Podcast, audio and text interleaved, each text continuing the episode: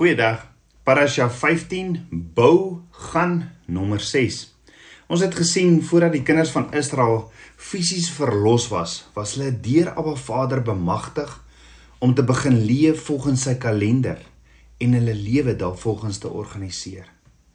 Om te leer om tyd vanuit Abba Vader se perspektief te benader is die eerste stap van die oorgang van slawerny na 'n Shema leefstyl as 'n kind van Abba Vader. Die tweede stap is om Abba Vader se mitzvahs of instruksies te shema.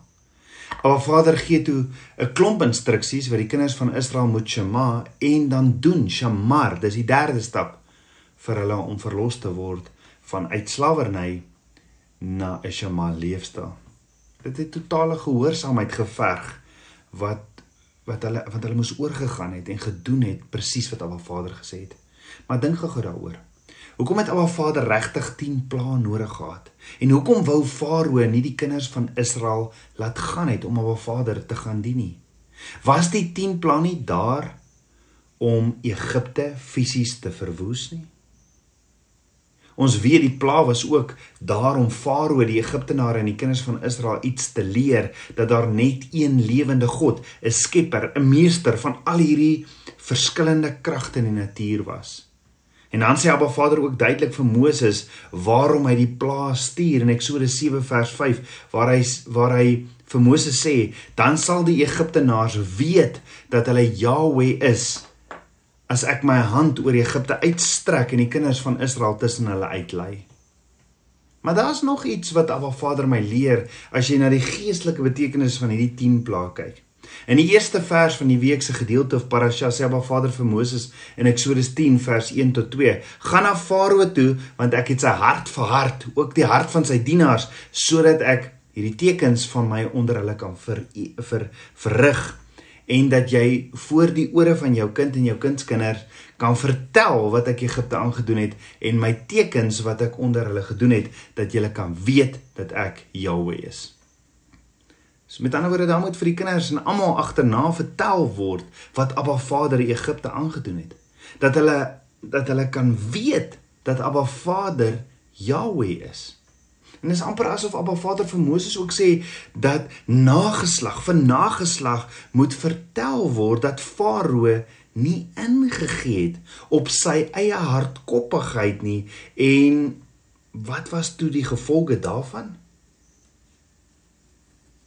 Want onthou Farao het na die sewende plag herken en gesê in Eksodus 9 vers 27 tot 28 ek het die keer sonde gedoen. Jahweh is reg wat eintlik sê regverdig, maar maar ek en my volk het ongeluk. Die ander woord in Hebreëus ons was goddeloos. En dan sê hy verder: Bid tot die Here want daar is oorgenoeg donker van God en haal gewees, dan sal ek julle laat trek en julle hoef nie langer te bly nie. Het jy dit ook al gehoor? Ek meen, hoor hoor wat staan hier. So Farao sê self, hy het gesondig teenoor Abba Vader. Wat is sonde nou weer? 1 Johannes 3 vers 4 sê elkeen wat die sonde doen, doen ook die wetteloosheid, want die sonde is wetteloosheid. Sonde is ongehoorsaamheid aan Abba Vader se woord. En Farao erken dit. Maar ons weet na die haal het Farao weer van plan verander. Hy het weer sy rug gedraai op die waarheid, op Abba Vader se woord. Met ander woorde, in hierdie gedeelte of hierdie parasha vir die week het ons hierdie stryd tussen gehoorsaamheid en ongehoorsaamheid. Die gevolge van 'n shema leefstyl om gehoorsaam te wees en die gevolge van as ons ons rug teenoor Abba Vader draai.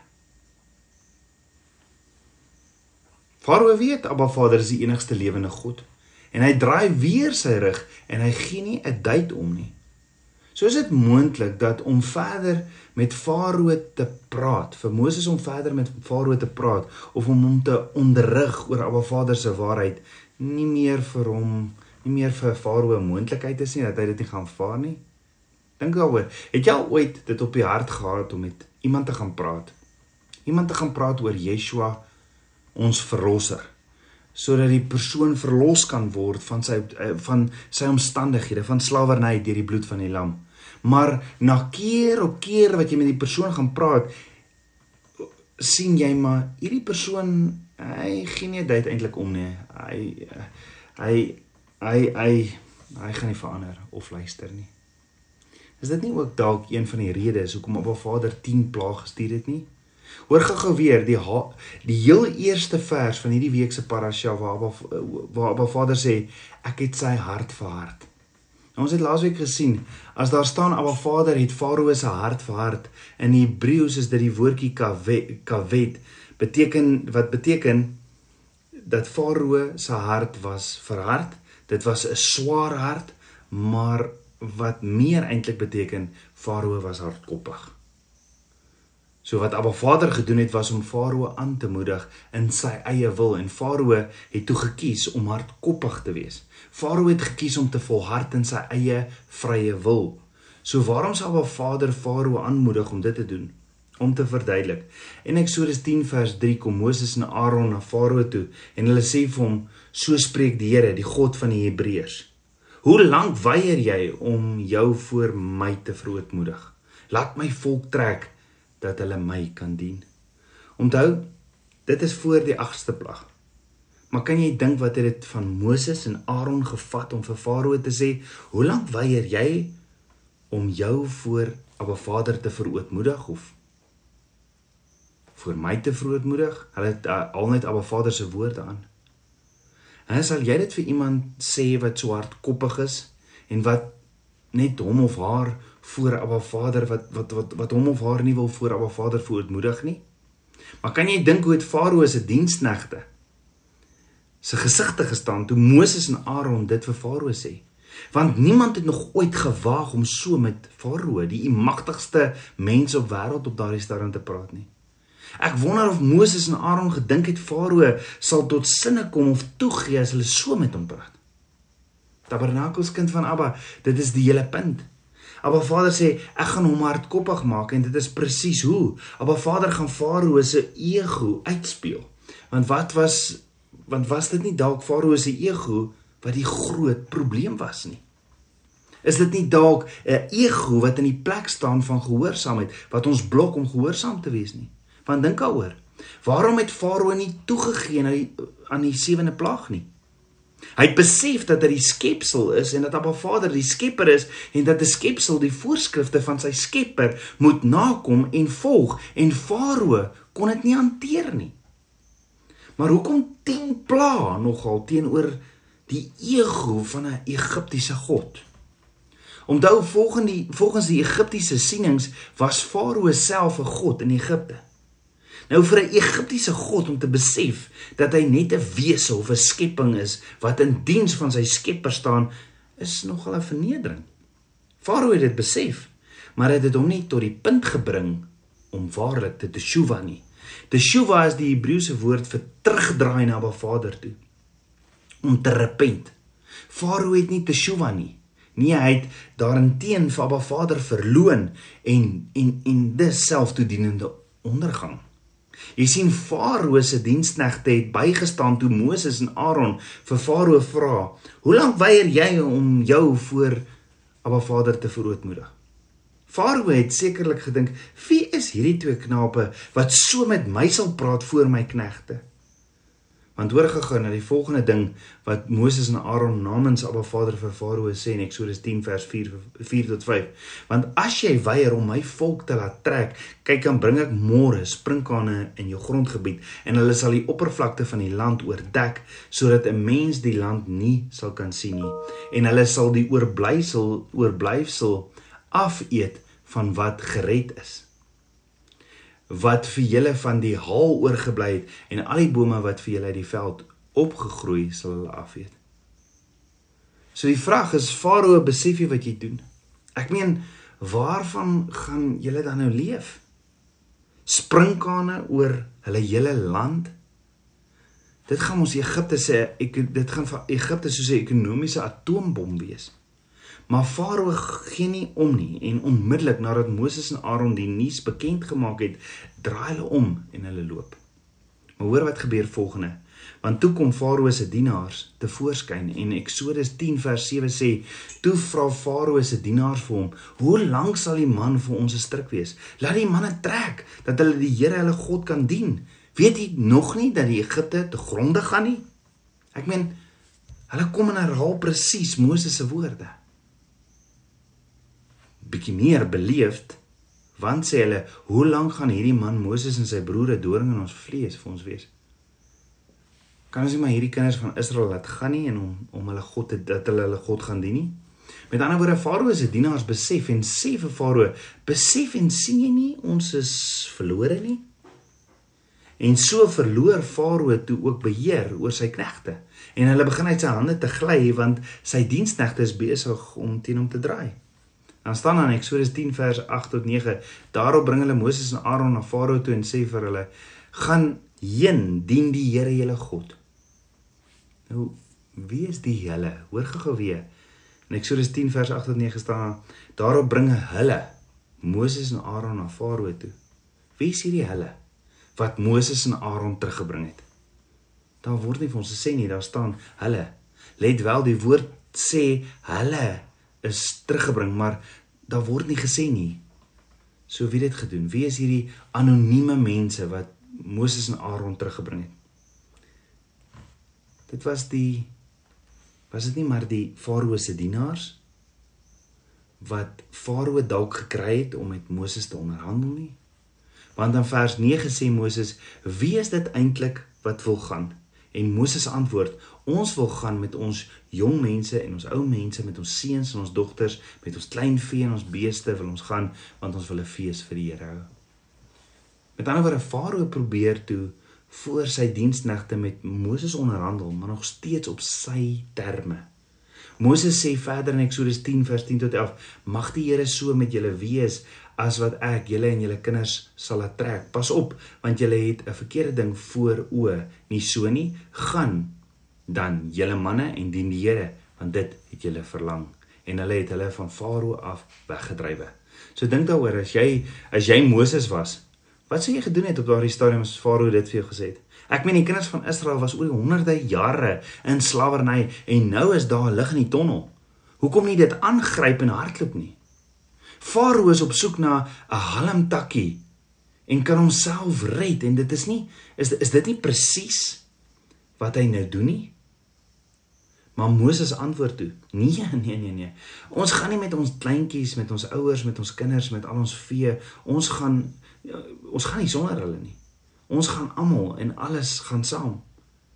En Farao dink dit is belaglik want weer eens kry Farao nie sy terme nie en so loop Moses en Aaron toe net. Die plaag kom toe en Farao roep hulle toe terug en sê in Eksodus 10 vers 16 tot 17: Ek het gesondig teen Jahwe, julle God en teen julle. Vergeef dan tog nou net die keer my sonde en bid tot die Here julle God dat hy net hierdie dood van my af wegneem. Dan na die 9de plaag roep Farao ook vir Moses en Aaron met 'n nuwe plan en hy sê in Eksodus 10 vers 24: "Gaan heen dien Jahwe, net julle kleinvee en julle beeste moet agtergehou word. Selfs julle kinders kan kan met julle saamgaan." Met ander woorde, nou kan almal gaan maar los net julle kleinvee en julle beeste agter.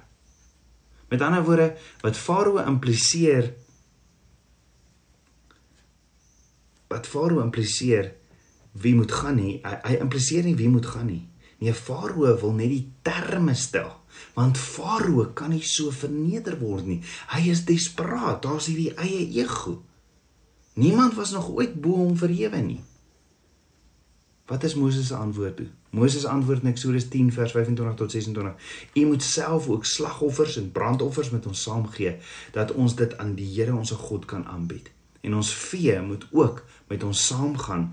Daar mag geen klou agterbly nie. Want daarvan moet ons neem om Jahwe ons God te dien. En ons weet nie waarmee ons die Here ons God sal dien voordat ons daar kom nie.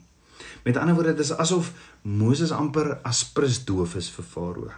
Want Moses gaan nie, hy gaan nie kompromie sluit met Abba Vader se uitdruklike terme en instruksies nie. En wat Moses eintlik vir Farao sê is as jy Farao ons gaan laat gaan, gaan jy oor jou eie ego moet kom. En dan sê Eksodus 10 vers 27 tot 29, maar die Here het Farao se hart verhard en hy wou hulle nie laat trek nie.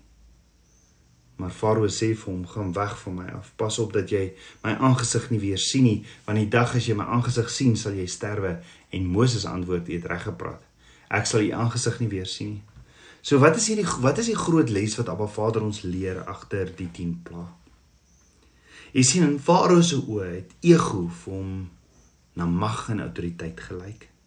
En hoe baie doen dit nie vir ons as kinders van Abba Vader nie. Daardie net om raak gesien te word, net om daardie ego te hê en om wel bekend te wees. Mense dink dit is mag en autoriteit. Dit was die laaste stukkie mag ook waaraan Farao wou vashou. Farao het geskuil agter sy eie ego en jou eie ego is nooit mag of autoriteit nie.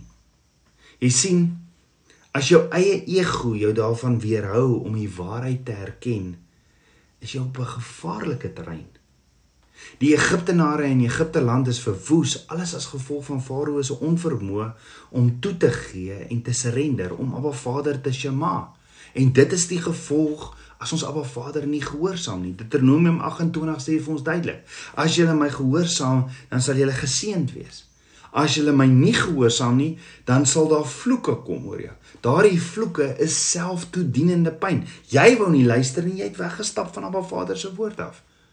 En daarom is daar hierdie vloeke. Tabernakels kind van Abba. Die vraag is, sit ons nie almal met 'n Farao en Moses in ons nie? Daardie eie ek wat alles wil beheer in my, die Farao in my en dinge wil laat gebeur op my terme en op my tyd en op my wat my die beste pas. En dan sit ons ook met 'n Moses in ons wat ons roep om op 'n Vader te dien. Om op 'n Vader te dien en hom alleen te dien met geen kompromie nie. En die vraag is vandag Tabernakels kind van Abba, vir wie gaan jy luister? Sal jy oorgee aan Abba Vader se Shema leefstyl? Waantoe hy jou roep, sal jy dit aanvaar? Die keuse is joune. Kom ons bid saam. Aba Vader, skieper van my hart. Vader, ek loof en ek prys U.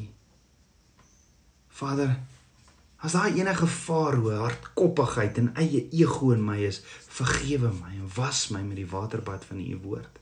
Vader, ek wil U gehoorsaam in elke fyn detail. Vader amazing om te sien hoe Moses presies net spreek wat U spreek. Hy sluit nie kompromie kompromie nie.